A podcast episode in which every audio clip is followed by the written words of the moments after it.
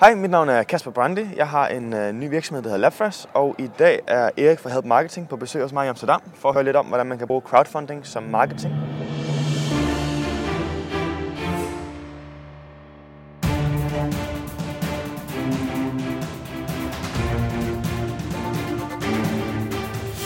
Det her er Help Marketing podcasten, lavet for dig, der arbejder med digital marketing, salg og ledelse, og som gerne vil opnå succes ved at hjælpe andre. Jeg hedder Xings, og Help Marketing producerer sig min virksomhed, der hedder Nokmal. Det her er afsnit nummer 133, og min gamle kollega, min gode ven Kasper Brandi Pedersen er på besøg. Igen, han var også på besøg i aller, aller første afsnit af Help Marketing.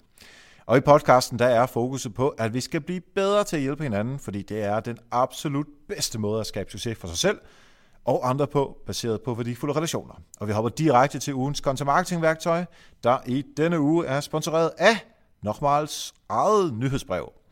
Øhm, du kan gå ind på nokmal.dk-nyhedsbrev, og så får du mulighed for at bedømme mine velkomstmails, som jeg ikke har fået sat øh, i gang endnu i automatikken, men lige nu der øh, sender jeg dem ud for allerførste gang til alle dem, der er på, øh, på listen.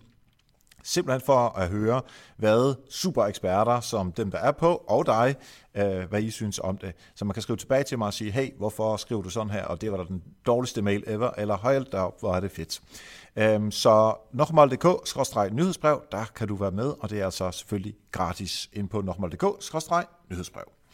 Og ugens content marketing værktøj er cohorts analyser fra Analytics Edge.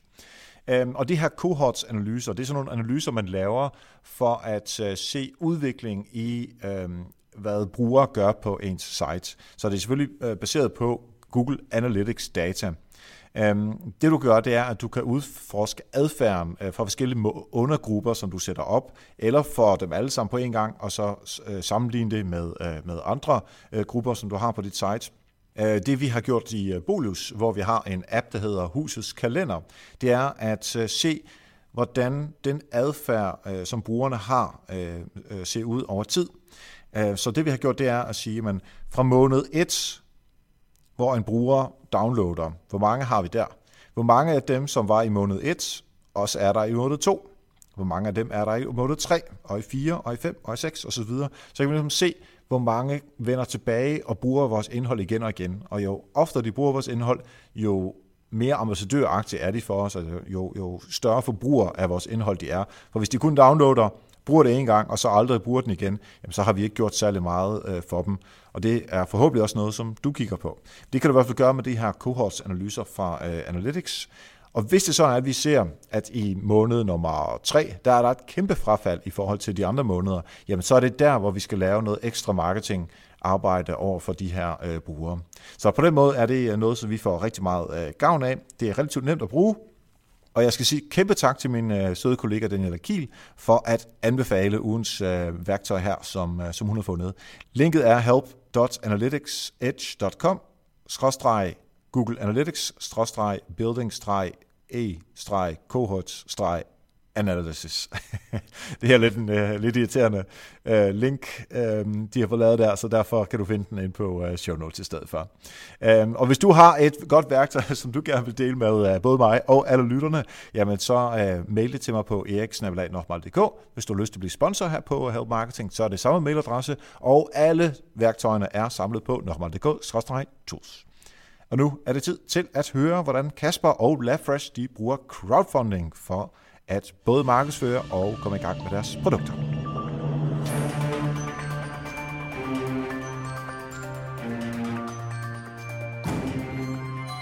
Yes, så sidder jeg midt i Amsterdam Øst sammen med Kasper Brandi Pedersen, der er medstifter af LabFresh. Goddag. Goddag, Kasper. Goddag, tak fordi du vil komme. Ja, det er faktisk dig, der skal sige det, når jeg er kommet øh, her til Amsterdam. Ja. Vi sidder jo i en seng, en meget stor seng. Ja, det er et nyt koncept, som de lancerede her sammen med, da de afholdte TED Talks. Og så sad alle til TED Talks i senge og holdt deres taler, mens folk kunne sidde rundt om sengen. Ja, der er noget med, at øh, hvis man, øh, som vi nu sidder, nu sidder vi sådan lidt op ad, op ad senge bagkanten, ikke? Det er jo ikke sådan, at vi ligger ved siden af hinanden, men når, når man er i sådan en situation, så er man lidt mere afslappet, og øh, man, er, man vil fortælle mere, så jeg har tænkt mig at hive alle informationerne ud af dig nu. Ja, det er meget intimt. ja, he- hele ideen med det her coworking space er faktisk, at man skal være lidt mere ligesom studerende. Og som studerende på dit værelse, der, det er jo relativt småt, så man sidder altid Ja. i en seng sammen. Og der var man lidt tættere på hinanden, end nu, hvor man altid sidder ude ved køkkenbordet. Ja, og vi er CoSpace hedder det. Ja, det hedder Colab. CoLab øhm, i Amsterdam Øst, og det er sådan noget iværksætteri, entreprenører øhm, setup, som Ja. de er ret gode til her i Amsterdam. Øh, og du bor jo hernede. Ja, jeg flytter ned for fire år siden, Ja. og der var ingen danske investorer, der ville give mig penge til min idé, men det var der i Amsterdam, hvor pengene falder lidt lettere, umiddelbart. Åbenbart, det er, og det er også euro i stedet for øh, kroner, ikke? så der er syv gange euro. Ja, lige præcis. øhm, ja, men altså, du var jo med i afsnit 1 af Help Marketing. Ja. Du, øh, Det var en ære. Ja, nu, for lige at holde den i den her sengesnak, så tog vi hinandens jomfruelighed i, øh, i podcasten øhm, men det vil vi gerne lige høre om, øh, hvordan det endte, øh, fordi du er et helt andet sted i dag. Øh, Så lad os lige høre, hvad, øh, hvad laver du egentlig til dag? Øh, I dag har jeg travlt med at lancere nogle skjorter, og også slips og sokker for den sags skyld, men især skjorter, som øh, man næsten ikke behøver at vaske og stryge. De er plet og lugtfri og næsten også koldfri. Og vi bruger en særlig øh, nanoteknologisk treatment til at manipulere fiberne i bomuld, så at, at de er meget mere durable øh, end, end, end en normal 100% øh, bomuldskjorte. Ja, og du er blevet øh, dejligt englificeret, kan man næsten allerede høre her. Ja, jeg har faktisk ikke fortalt historien så mange gange på dansk, så jeg ved faktisk ikke, hvad nogen af ordene hedder. Nej, jamen, det er også fair nok. Um, men det er jo faktisk det, vi skal snakke om uh, hele podcasten igennem her, hvordan man får uh, funding via crowdfunding. Um, så vi hører rigtig meget mere om, uh, om LabFresh og produkterne, og hvordan uh, I har fået nogle penge ind til det. Og hvis man gerne vil høre uh, dit uh, paid forward help marketing uh, eksempel, så synes jeg, man skal jo lytte til afsnit 1, fordi i stedet for, der vil jeg gerne høre, øhm, du havde The Cloak Room, som, øh, som var en iværksætter øhm, øh, virksomhed, som du startede med Asbjørn. Ja. Ja. Øh, og det var du sådan godt i gang med, øh, i hvert fald de første indledende runder, da, øh, da vi snakkede sammen for to og et halvt, tre år siden. Øh, og det er du øh, ud af nu. Eller du ejer lidt af, af dem, der ja. Købte det for dig osv. Ikke? Men øh, kan vi lige få sådan den, den øh, elevator pitch versionen af, hvad skete der? Jamen, det var jo en, øh, en personal shopping service for mænd, og det er det stadig, som vi øh, lancerede, Asbjørn og jeg, fra en lejlighed her i Amsterdam for 3,5 år siden. Mm-hmm. Og øh, det gik relativt hurtigt, og vi fik rejst 22 millioner kroner i øh, funding fra diverse venture capital fonde. Uh, men vi fik også brændt igennem alle dem, og det viser, at det er, rigtig, det, er, det er rigtig svært at sørge for, at servicen konstant er høj, og at kunderne også er glade. Mm. Um, så vi solgte det for et år siden til vores tyske konkurrenter, og uh, jeg flyttede til Berlin i et års tid for at sætte integrationen op, mens Asbjørn gjorde det i uh, Amsterdam. Og uh, den 31. december sidste år, på nytår, der havde jeg sidste arbejdsdag, mm-hmm. og så var jeg en uh, virksomhedsfri mand, der Sådan. kunne, uh, der kunne starte med at arbejde på skjorter i stedet. Sådan. Øh, Så du, øh, du fik en, øh, en sum penge eller en sum aktier i, i jeres ja. tyske konkurrent der, ja. og øhm, så, er det, så er det i gang med den næste. Ja, fire dage efter min sidste arbejdsdag, så gik vi live på Kickstarter med, med de her LabFresh skjorter. Så mm-hmm. der var ikke så meget tid til at tage på ferie eller, eller, eller få lidt afslappning.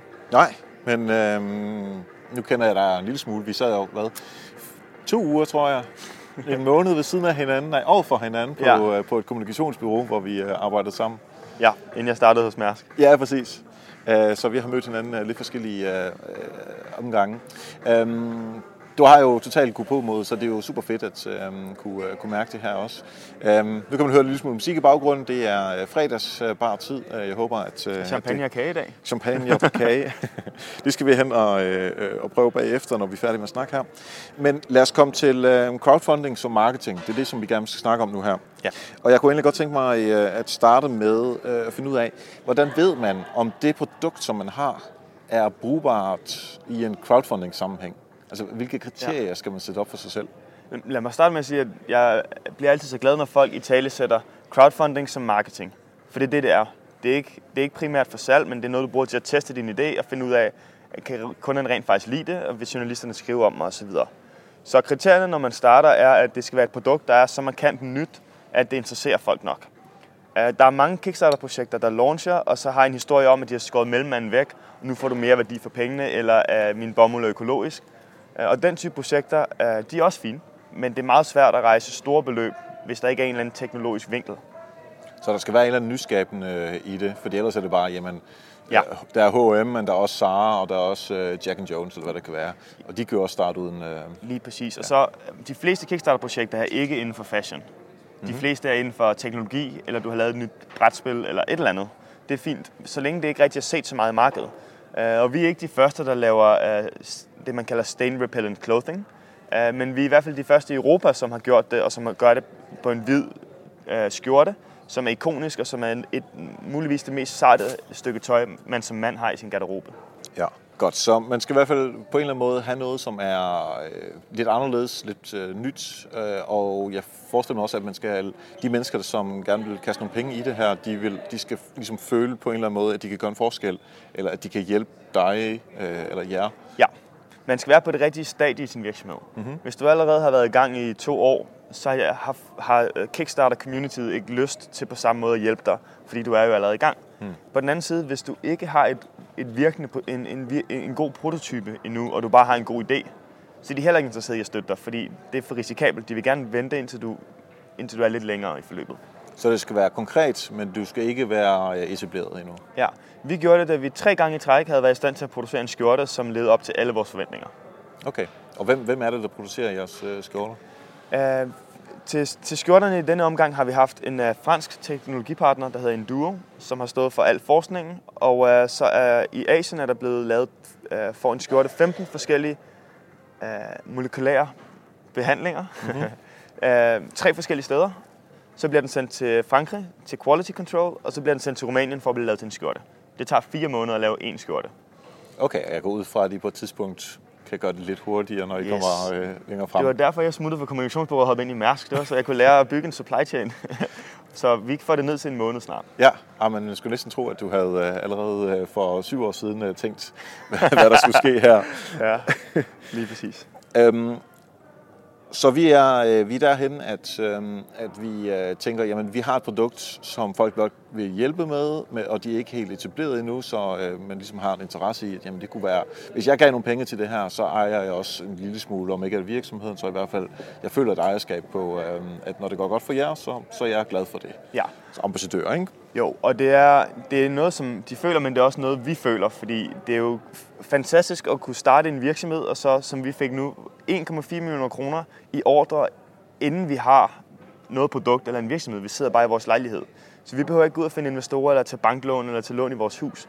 Vi har fået en virksomhed foræret af Kickstarter-communityet i princippet. Og det er vi bare så, så taknemmelige for. Så, ja, så vi forguder vores Kickstarter-følgere. Ja, nu så jeg lige inde på jeres, øh, på jeres lille kontor her, at øh, I, det ser ud som om, vi lavede nogle forecast for, for 18, eller 17, og 18 og 19, som jeg lige kunne, øh, kunne høre jeres snak derinde. Øh, ikke fordi jeg har hørt dem, men mere, øh, hvis I har en skjorte og nogle sokker, var du inde på, og slips, øh, og de skal blive produceret på et eller andet tidspunkt.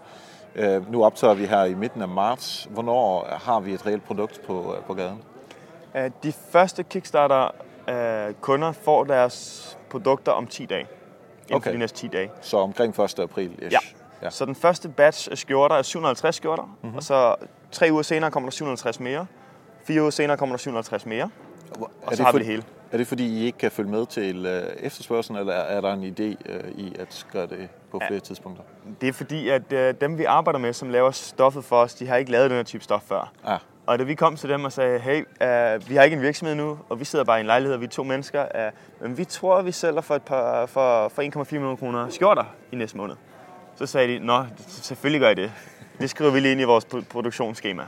Men, uh, men de havde ikke skrevet nok ind, så de, havde, de, havde, de har kun kapaciteten til at, at gøre det lidt langsommere. okay.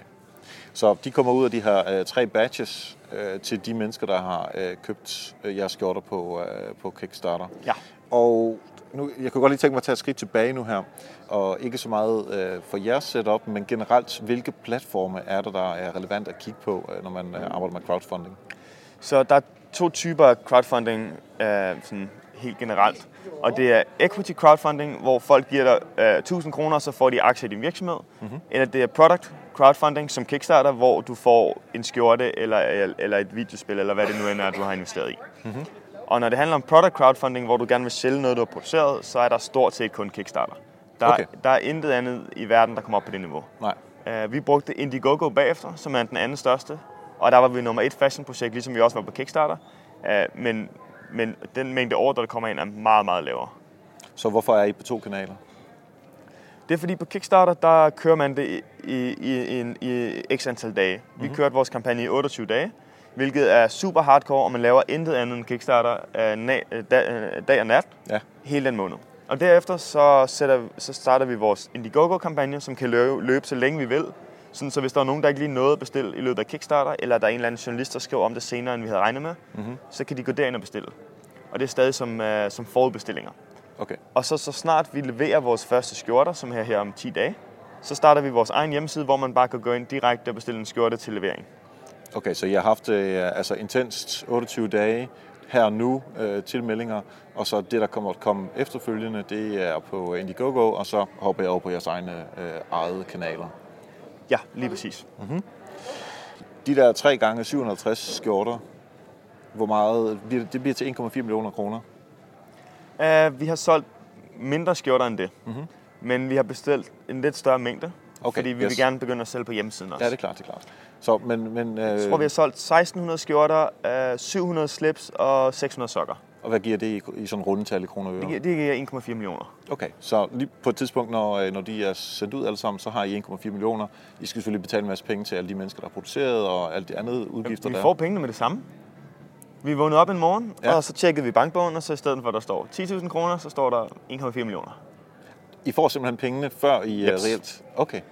Er der nogen risiko, risiko for, at, øh, at pengene ikke kommer ind? Altså hvis I ikke når de mål, øh, eller er der nogle øh, regler omkring det for Kickstarter? Uh, ja, man sætter et indledende, indledningsvist mål, som vi satte meget lavt. Vi satte det til 100.000 kroner. Mm-hmm. Uh, men der er en grund til, at vi sætter det der, fordi hvis, uh, hvis vi ikke modtager den mængde ordre, så kan vi ikke lave en bestilling. Vi kan ikke producere for 50.000 kroner skjorter. Mm-hmm. Så det var det absolut laveste antal skjorter, vi kunne producere. Og jo, la- jo lavere du sætter dit, dit mål, jo bedre, fordi så kan du hurtigere blive 100% fundet, og så hjælper Kickstarter og alle mulige andre mennesker der mere, fordi du bliver en succeshistorie. Ja. Um, Så det, man skal også, hvis man arbejder med, med crowdfunding, så skal man også tænke i, at Indiegogo og Kickstarter også har en interesse i at øh, bruge nogle PR-kræfter på at øh, fortælle, at de igen har hjulpet nogen til at blive en succes. Ja, det er super vigtigt, at man tager alt sit krudt, og så i stedet for at planlægge, at man skal have en lille smule, der fungerer en lille smule presse øh, løbende over hele kampagnen, så tager du alt krudtet og smider ind de første 48 timer. Ja. Alle journalister, alle dine venner, alle din familie, alle skal bare købe, købe, købe de første 48 timer. Fordi hvis det så sælger nok, og du når at blive 100% fundet, så øh, kan der ske den fantastiske ting, at du får en e-mail fra Kickstarter, som vi gjorde, hvor de siger, at du er nu et projekt, vi elsker. Mm-hmm. Og hvis du er et projekt, de elsker, så bliver du spyttet ud til hele deres community. Ja. Og over halvdelen af vores ordre er kommet direkte fra, fra folk, som bare gerne vil supporte os, fordi Kickstarter elsker os. Fordi der er folk på Kickstarter, som bare er sådan nogle typer, der, der gerne vil poste nogle penge i, i øh, opstartsidéer og den slags. Ja, det er simpelthen fordi, en, en masse mennesker, når de, en masse Kickstarter-brugere, de tjekker projekter, som Kickstarter elsker, før, før de tjekker noget som helst andet. Okay. Fordi at de ved, at der er en eller anden sustainability angle, mm-hmm. typ, typisk. Og at det er noget, hvor Kickstarter har vurderet, at vi er til at stole på. At de ikke, de ikke får et lorteprodukt, når de har givet os penge. Ja, okay. Jeg har lige en, øh, en lille sidebemærkning til, øh, så vi bruger jo øh, Patreon her på øh, Help Marketing til at få lidt støtte fra de søde lytter derude. Og der om ikke, om ikke helt det samme, så er det noget, som ligner det, i og med, at øh, hvis, man er, øh, hvis det går virkelig godt på Patreon, så bliver man også pushet ud, ligesom sådan en eller anden form for Facebook-algoritme, til endnu flere øh, derude. Fordi der er jo rigtig mange mennesker, der gerne vil hjælpe. Det kan jeg også se på mange af de Patreons, som er på Help Marketing, at de faktisk også støtter andre projekter. Øh, fordi det er altså, åbenbart, det må være en type mennesker, som godt kan lide at, at hjælpe andre i gang, eller hjælpe andre videre med, øh, med nogle ting. Så det, det er lidt den samme ting, som der, øh, som der sker der. Der er meget, meget øh, fra Kickstarter og crowdfunding sådan helt generelt, der er sammenlignet med, med help marketing og pay, paid forward kulturen. Det handler ikke bare om at få en skjorte. Det handler om at være med til at co-create en ny virksomhed. Ja, Og vi får vildt mange beskeder fra vores følgere, og vi sender e-mails ud og fortæller dem nu, at det her er gået i produktion, og se billedet fra vores nye kontor osv., og de, det elsker de. ja. Så det, det handler simpelthen meget om især den her øh, indledende fase om at øh, inddrage brugerne, som så egentlig også bliver til kunder, øh, så meget som overhovedet muligt. Ja, det handler om, at du, du skal nyde det, altså at, at vise dig selv, som i vores video, hvor mig og min co-founder, som, er, som også er min kæreste, mm-hmm. at vi har filmet hele videoen til, til Kickstarter i vores lejlighed, og vi sender updates om, hvad vi laver, og vi har lavet livestreams fra vores køkken, hvor vi står og kaster rødvin på nogle skjorter, og du bare øh, viser dig selv på en personlig måde, som den du er, uden at, uden at lægge skjul på, at du er, ikke er en profi- professionel virksomhed endnu. Ja. Det værste, du kan gøre i crowdfunding, det er at prøve at virke professionel og sende dine e-mails fra info at minvirksomhed.dk og så Ja, ja. Sådan, Ja. du bare, jeg er Kasper, og det her det er Lotte, og vi har lavet en skjorte, og vi kunne godt tænke os din hjælp. Ja, så man skal have, altså det skal være den der autenticitet, som man går efter. Ja, de, de investerer i Kasper og Lotte, ikke i LabFresh. Yes, lige præcis. Hvad, øh, nu siger du det, at det var 100.000, som vi satte som mål. Er der nogle andre... Øh, Øh, I, i, uh, I kroner, ja. ja, i kroner, ja. Øhm, øh, igen for Patreon, der har jeg sat nogle, øh, nogle, nogle mål op, øh, som hedder, man kan være øh, øh, øh, sølvhjælper, man kan være øh, executive øh, producer af health Marketing, altså nogle lidt sjove ord, som så gør, at man får adgang til, øh, til videoer og så videre, lidt før alle andre, hvor der ligesom ligger nogle, nogle delmål ind, plus at hvis vi til, til sammen opnår et vist mål, så sker der også nogle forskellige ting. Er der noget tilsvarende på, på Kickstarter og Indiegogo? Ja, det er ret vigtigt, og ikke kun på grund af marketing, øh, men også fordi, hvis vi sælger flere skjorter, så kan vi også tillade os at tilbyde skjorten i, i, i dueblå i stedet for kun i hvid. Vi kan tilbyde os at, at, at, at give folk muligheden for at bruge manchetknapper og, og, og nogle forskellige typer kraver, skjortekraver osv. osv. Mm-hmm. Så jo mere funding du får, jo mere kan du tilbyde og, øhm, i din produktportefølje. Ja, altså da jeg var inde og kigge, så der kunne jeg se, altså det var noget man kunne give 1 dollar til bare, fordi det var en high five, synes jeg, øh, som jeg husker, de Ja. kaldte det. Så kan man købe en skjorte, man kan købe skjorter og sokker, man kan købe to skjorter, sokker og fire slips, eller hvad det nu var- forskellige ting. Altså nogle forskellige pakker, og så bliver det selvfølgelig dyrere og dyrere. Ja. ja, det er en af de ting, som jeg personligt synes er lidt forvirrende Ja. i crowdfunding. Uh, fordi også af juridiske årsager kan du ikke sælge en skjorte til nogen. Det du får er, at du får et bidrag, mm-hmm. og så giver du dem en reward. Okay, så det er ikke et salg, som i klassisk salg. Nej, fordi Nej. Hvis du gør det, så er du alle mulige lov, du skal leve op til, okay. som er svært at gøre, når man, når man ikke har en virksomhed nu. Mm-hmm. Så du har ikke købt en skjorte af os, du har givet os penge, og så som, som præmie giver vi dig en skjorte. Mm-hmm. Og skjorten øh, har en værdi, af, som vi kan sætte. Okay. Så, øh, men altså hvis man skal være helt ærlig, fra forbrugerens perspektiv, så føles det lidt som, okay, jeg giver nogle penge, og jeg får et eller andet produkt for det. Sådan er det helt klart for forbrugeren. Ja. Og sådan skal det også forstås. Mm-hmm. Det fungerer som en normal webshop, hvor i stedet for at du får det efter to dage, så får du din skjorte efter to eller tre måneder. Ja. Ja. Det, men øh, men for, for, for dig som funder, og hvis der er nogen lyttere, som godt kunne tænke sig at gå på Kickstarter, så er det vigtigt at vide, at når det er organiseret på den her måde, det er rent faktisk ikke er produkter, du sælger, mm-hmm. så kan du komme afsted med at sende produkter til USA og ikke betale noget, øh, noget moms og ikke betale noget øh, import tax. Okay, så der er nogle, øh, nogle skattemæssige øh, fordele i det. Ja, fordi hvis du vil rejse mange penge på Kickstarter, kan du ikke bare sælge til danskere eller hollandere. Nej. Du er nødt til at have amerikanere og alle mulige andre lande med. Ja. Så vi tilbyder gratis shipping både til USA og hele Europa. Og når man gør det, så kan du se, at der kommer så mange flere bidrag. Mm-hmm. Så det er faktisk kun 12 procent af vores kunder, der er danske, og 25 procent, der er hollandske. Og resten er fra over 60 forskellige lande. Okay. Hvad gjorde I med øh, øh, som PR og sociale medier? Altså nu, nu lavede I noget video øh, på, øh, altså til selve Kickstarter-platformen. Øh, men I har også gjort nogle andre ting for ligesom at få folk ind på øh, kick, kick, Kickstarter-platformen, for at få dem selvfølgelig til at øh, så øh, bidrage på, øh, på en eller anden måde. Kan du give nogle eksempler af de, øh, de tiltag, I gjorde? Øh, ja, så sådan helt generelt er det nok ikke en særlig interessant historie, at hvis man skriver til en journalist og siger, hey, jeg har lige lanceret mit produkt på Kickstarter. Mange af dem har hørt det før, så der kommer det ikke så langt. Mm. Men hvis, som også hvis du har et fysisk produkt, du allerede i forvejen kan give til nogle udvalgte journalister og medier, uh, som de kan prøve på at teste, og så uh, på, uh, udgive en anmeldelse eller en artikel om det på den dag, du lancerer, så kommer der rigtig meget ud af det. Og du skal ikke fokusere på de største medier, for det er ikke dem, der skaber buzz i starten. Du skal fokusere på de medier, som andre journalister og andre influencers og early adopters læser.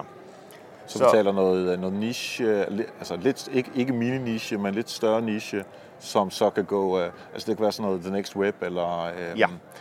Hvad hedder de der, øh, den type af, af mindre øh, medier, som, Som New York Times, som, ja. som tager bagefter.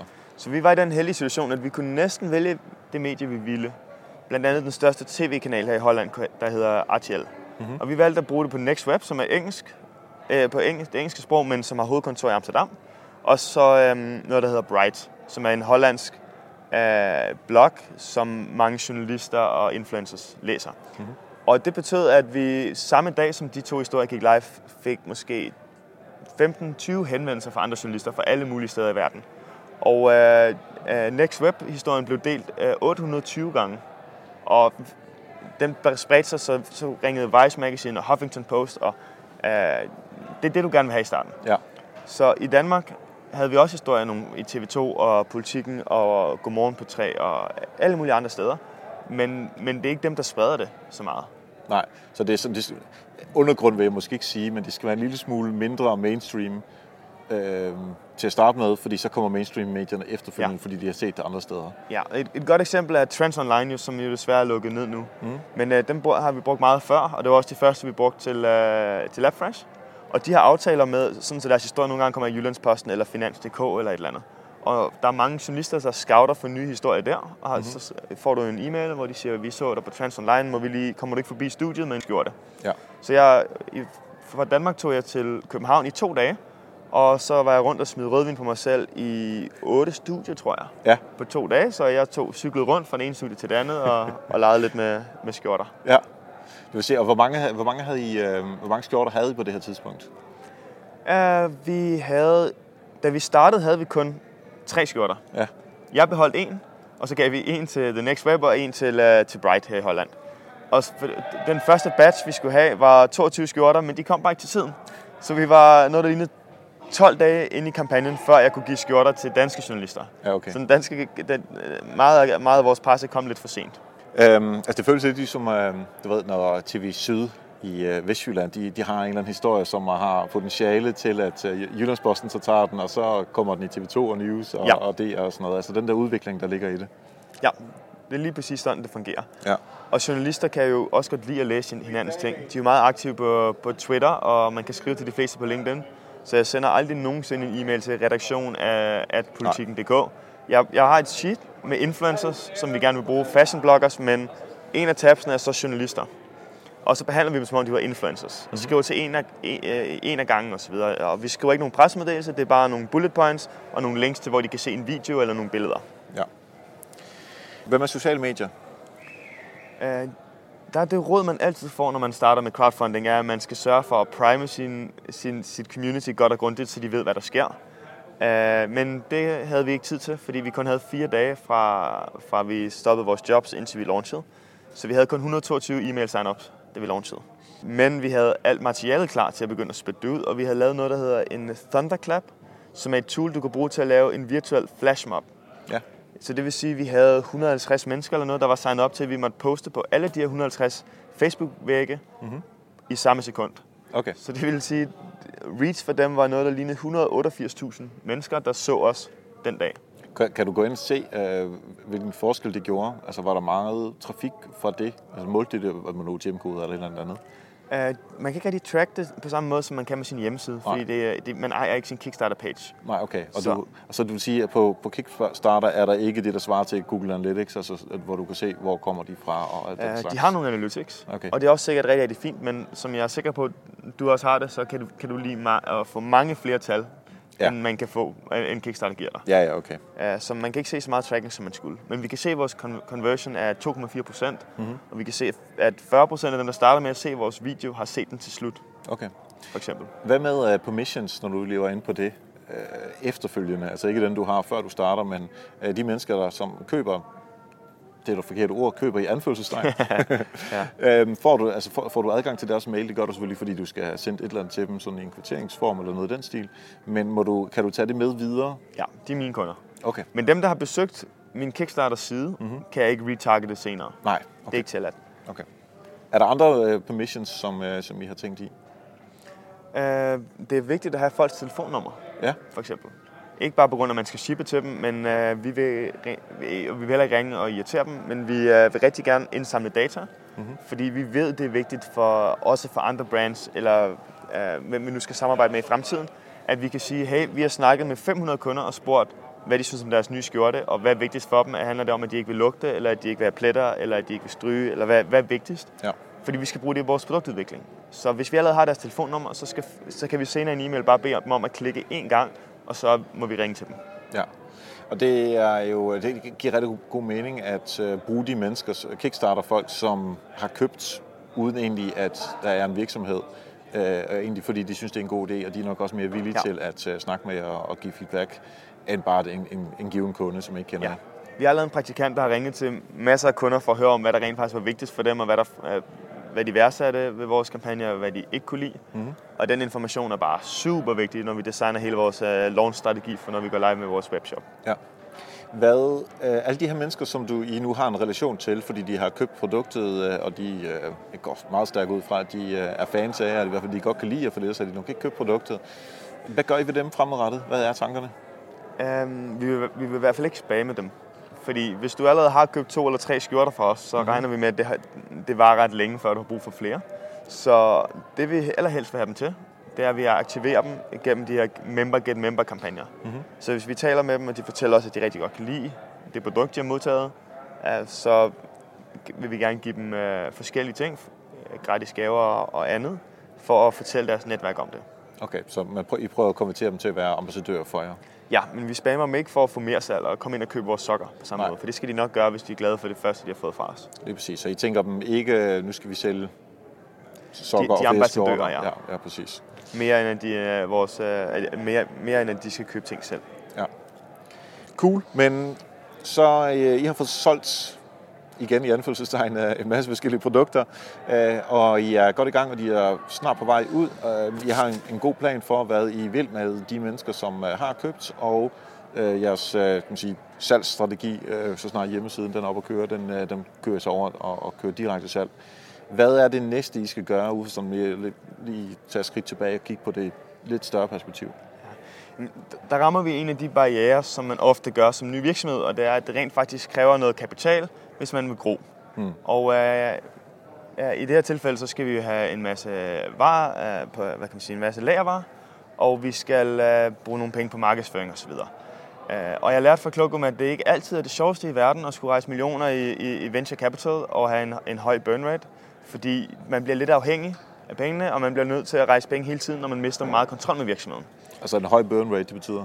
Det betyder, at vi brændte uh, i gennemsnit 750.000 kroner om måneden ja, i, i underskud igennem de tre år. Og det, altså hvilket det var for... helt efter planen. Ja. Det var det, investorerne gerne ville have. Præcis. Men man føler ikke, at man er helt i kontrol over virksomheden. Så mig og min co-founder vil rigtig gerne den her gang være i kontrol selv, og ikke rejse så mange penge fra, fra, fra fonde.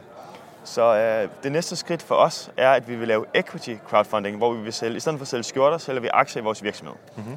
Og det er ikke kun for at rejse nogle penge. I det her tilfælde vil vi gerne rejse omkring 1,5 million kroner. Øh, det er lige så meget, fordi vi gerne vil have flere ambassadører, fordi vi er så super glade for de her Kickstarter øh, brugere, som bare siger super søde ting om os til alle deres venner. Øh, så man laver på samme måde en video, der var et par minutter, hvor man taler om, hvorfor det her er en god øh, forretningsmulighed, og hvorfor øh, investorer kan forvente at tjene mange penge, hvis de investerer i os. Og så kommer pengene ind, og man har, vi har et minimummål på 750.000 kroner, og så har vi et maksimum på 2,5 millioner kroner, fordi vi vil ikke sælge for meget af virksomheden.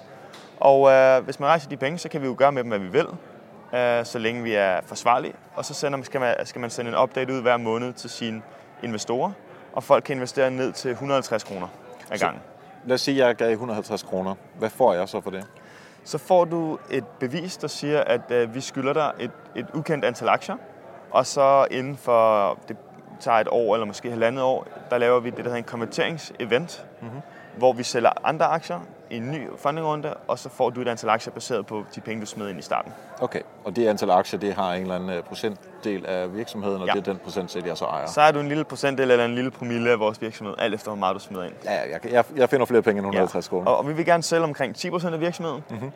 Og det vil sige, at mig og min co-founder så ejer 90%, og det kan vi godt lide, fordi vi vil gerne have engageret folk ind og give deres inputs og, og føle medansvar for, for succesen af vores virksomhed. Men vi har ikke lyst til at have nogen professionelle investorer inde, der, der sidder og, og, og trækker det i en retning, som vi ikke er interesseret i. Man kan i hvert fald godt høre, at, øh, at der er nogle, øh, nogle ting, som I har lært fra, øh, fra sidste gang. Det er super sjovt at brænde ja. en masse penge og vokse hurtigt. Klart. Og jeg, det er den fedeste oplevelse i mit liv. Uh, men det er en anden type virksomhed, jeg gerne vil lave her i anden omgang. Ja, ja jamen, det er heller ikke ment negativt, men det var, øh, ja, ja, ja, det kan i hvert fald godt bemærke, at øh, I gerne vil prøve noget andet. Ja. Det er super spændende. Lige om to sekunder, så kunne jeg godt tænke mig at høre øh, to-tre råd omkring noget, som man absolut ikke må gøre, når man arbejder med, øh, med crowdfunding. Øh, men inden da, der vil jeg gerne have lov til at hjælpe, og jeg har nødt dem før, øh, de Patreons, der er på Help Marketing, altså jer, der gør, at øh, vi kan betale for hele podcasten, at den udkommer hver eneste onsdag her. At vi kan betale for redigering, at vi kan betale for at få skrevet show notes, og øh, at vi kan sidde i Amsterdam, og jeg har øh, mikrofoner med og den slags. Øhm, det er så den helt konkret økonomiske grund til, at vi har patrons, men andet også faktisk det, som Kasper også er inde over, inde over er, at vi er super glade for, at øh, der er nogen, som støtter os på den her måde, som virkelig også føler et ejerskab af uh, Help Marketing. Så hvis du også har lyst til at få et øh, ejerskab på den her måde, føle, at du er med i, øh, i Help Marketing Patreon-klubben, han har sagt, jamen så kan du gå ind på nokmal.dk-støtte, og derinde der kan du selv bestemme 100% hvad du har lyst til at øh, give. Og øhm, på den måde bliver du så også en af dem, som gør Help Marketing muligt hver onsdag. Yes, to-tre ting, man absolut ikke må gøre, når man øh, arbejder med crowdfunding. Ja, det er et godt spørgsmål, fordi der er masser af folk, inklusive os, som har gjort ting, som man kan læse online, at man ikke burde gøre, og så, mm-hmm. som så stadig har haft en succesfuld kampagne. Ja, og man skulle også lige sige, at nogle af de ting, som vi snakker om, er selvfølgelig meget fokuseret på jeres skjorter, ja. øh, og der vil være nogle ting, som ikke passer til andre folks uh, sammenhæng, men det, det må folk jo selv kunne Nej, Hvis du udvikler en drone, øh, skal du nok ikke have tre perfekt, perfekte prototype droner, før du, ja, du launcher, for det koster for mange penge at udvikle. Ja. Øh, men noget, jeg synes er super vigtigt, det er, at uh, den video, man laver, og den, uh, den side, man, den kampagneside, man har på Kickstarter, at den skal være så personlig som muligt. Hvis man laver en video uden at vise sine co-founders, og der bare er flot musik og flotte billeder, så får du bare ikke så meget engagement. Og det har jeg bare set så mange gange, at folk gør det, fordi de synes, det er ubehageligt at være foran kameraet, eller de synes, det er ubehageligt at skulle vise sig selv på den måde. Men det må du bare, det må du bare finde dig i. Mm-hmm. Så også turde vise sine fejl frem? Ja. ja. Og så øh, skal man ikke gå live, før man har en maven på mindst 50%. Og det siger jeg, fordi du kan lave din fine spreadsheet og vise, at ah, der er nogle penge tilbage, hvis, øh, hvis jeg bare sælger til, til den her pris. Men der er vildt mange uforudsete omkostninger, når du starter.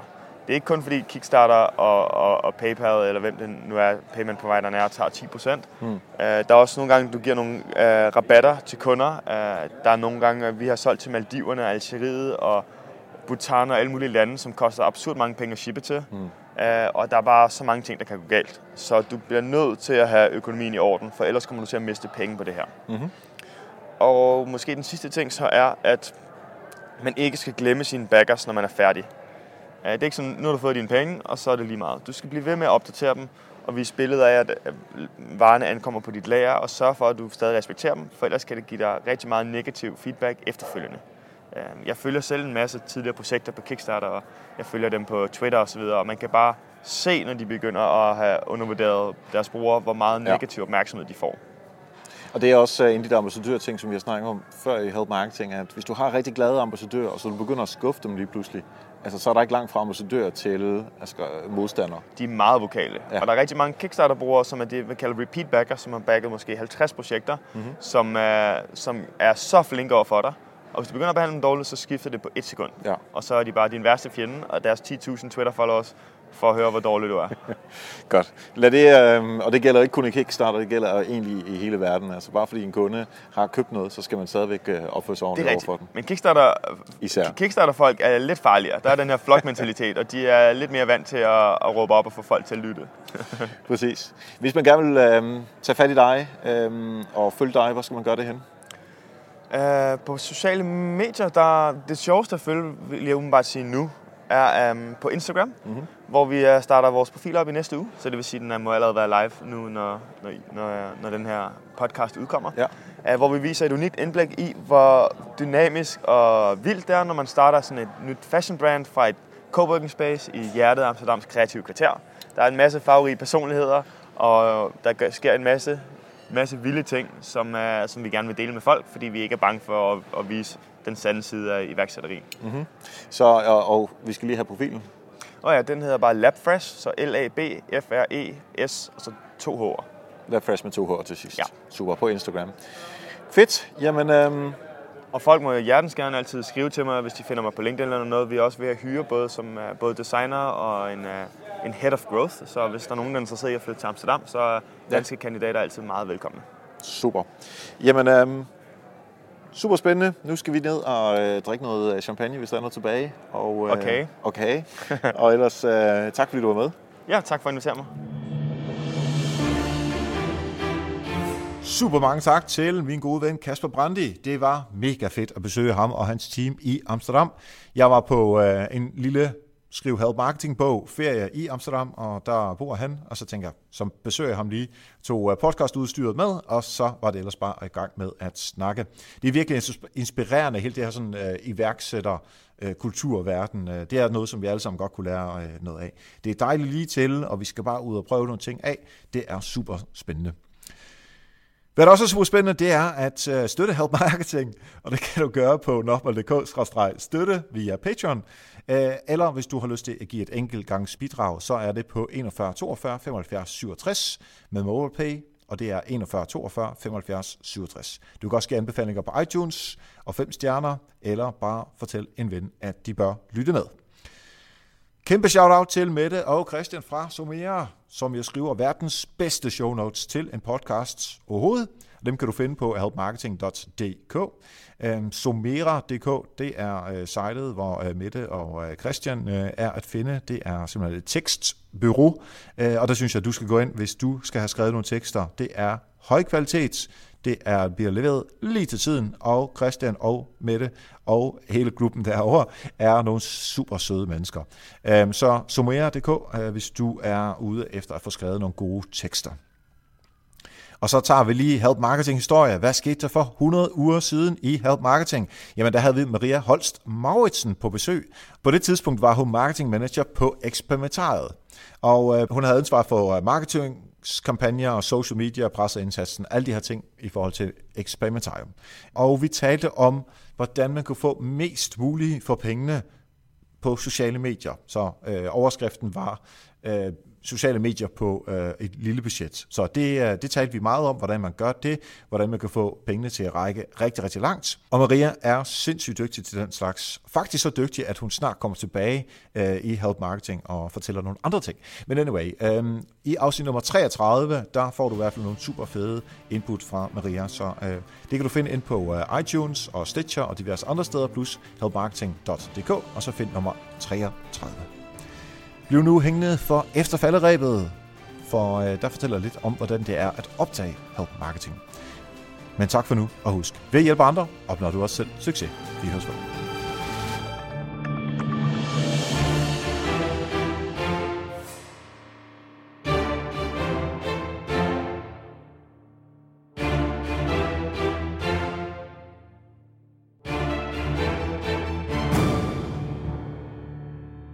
Så er det efterfalderæbet. Lige nu er det lørdag den 8. april kl. 12.55. Om 5 minutter, der skal jeg tale med Enja Klemp Vingård. Og hun er en af gæsterne, som øh, du kan høre her inden for de næste øh, halvanden måneds tid.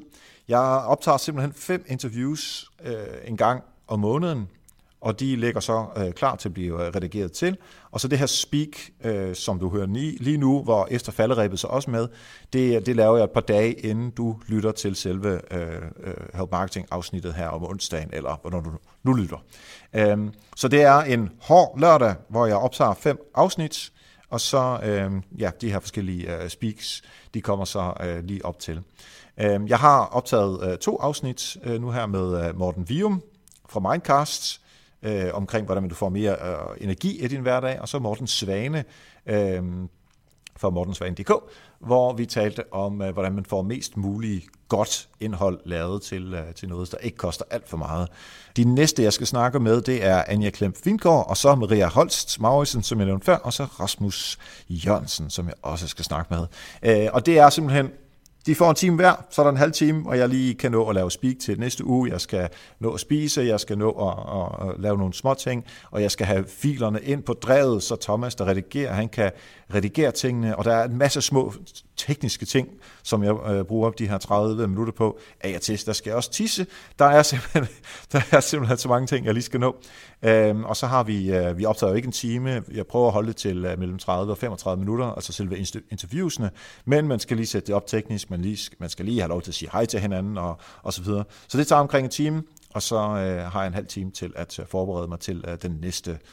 Øhm, og det er simpelthen fra, øh, fra klokken 9 Nej, det er fra klokken 10 til, øh, til halv 6, hvor jeg sidder på øh, øh, en lørdag og, øh, og optager. Øh. Og det kræver selvfølgelig, at det hele det her det er sat op på forhånd, så jeg har lavet aftaler, og folk ved præcis, hvornår de er på.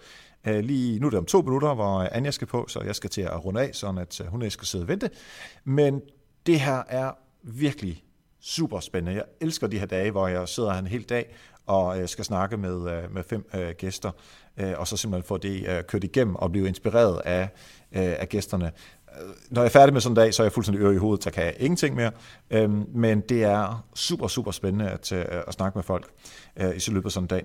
Øh, og det er selvfølgelig også noget i forhold til, hvordan man kan effektivt lave sit content. Og det er altså mere effektivt at lave 25 på en dag, end at tage fem dage i løbet af fem uger og få sat det hele op og bryde det ned igen osv. Så, øhm, så nu, jeg tænkte, du får lige lidt øh, behind the scenes her, hvad der sker sådan en, en lørdag her.